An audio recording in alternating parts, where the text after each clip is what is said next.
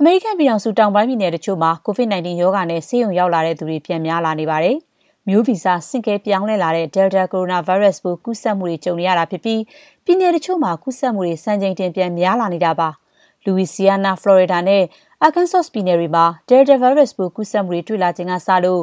ဒီရောဂါနဲ့ဆေးရုံရောက်လာတဲ့သူတွေတကျော့ပြန်များလာနေတာလို့အဲ့ဒီပြည်နယ်တွေကတာဝန်ရှိသူတွေကပြောပါတယ်။ အထင်ကရ Republican အထက်လွှတ်တော်အမတ်တဦးဖြစ်တဲ့ Lindsey Graham လည်းကိုဗစ်ကာကွယ်ဆေးထိုးပြီးမှကိုပဲရောဂါကူးစက်ခံနေရပါတယ်။ကာကွယ်ဆေးထိုးထားလို့သာသူ့အနေနဲ့ရောဂါလက္ခဏာပြင်းပြင်းထန်ထန်မခံစားရတာဖြစ်တယ်လို့ Mr. Graham က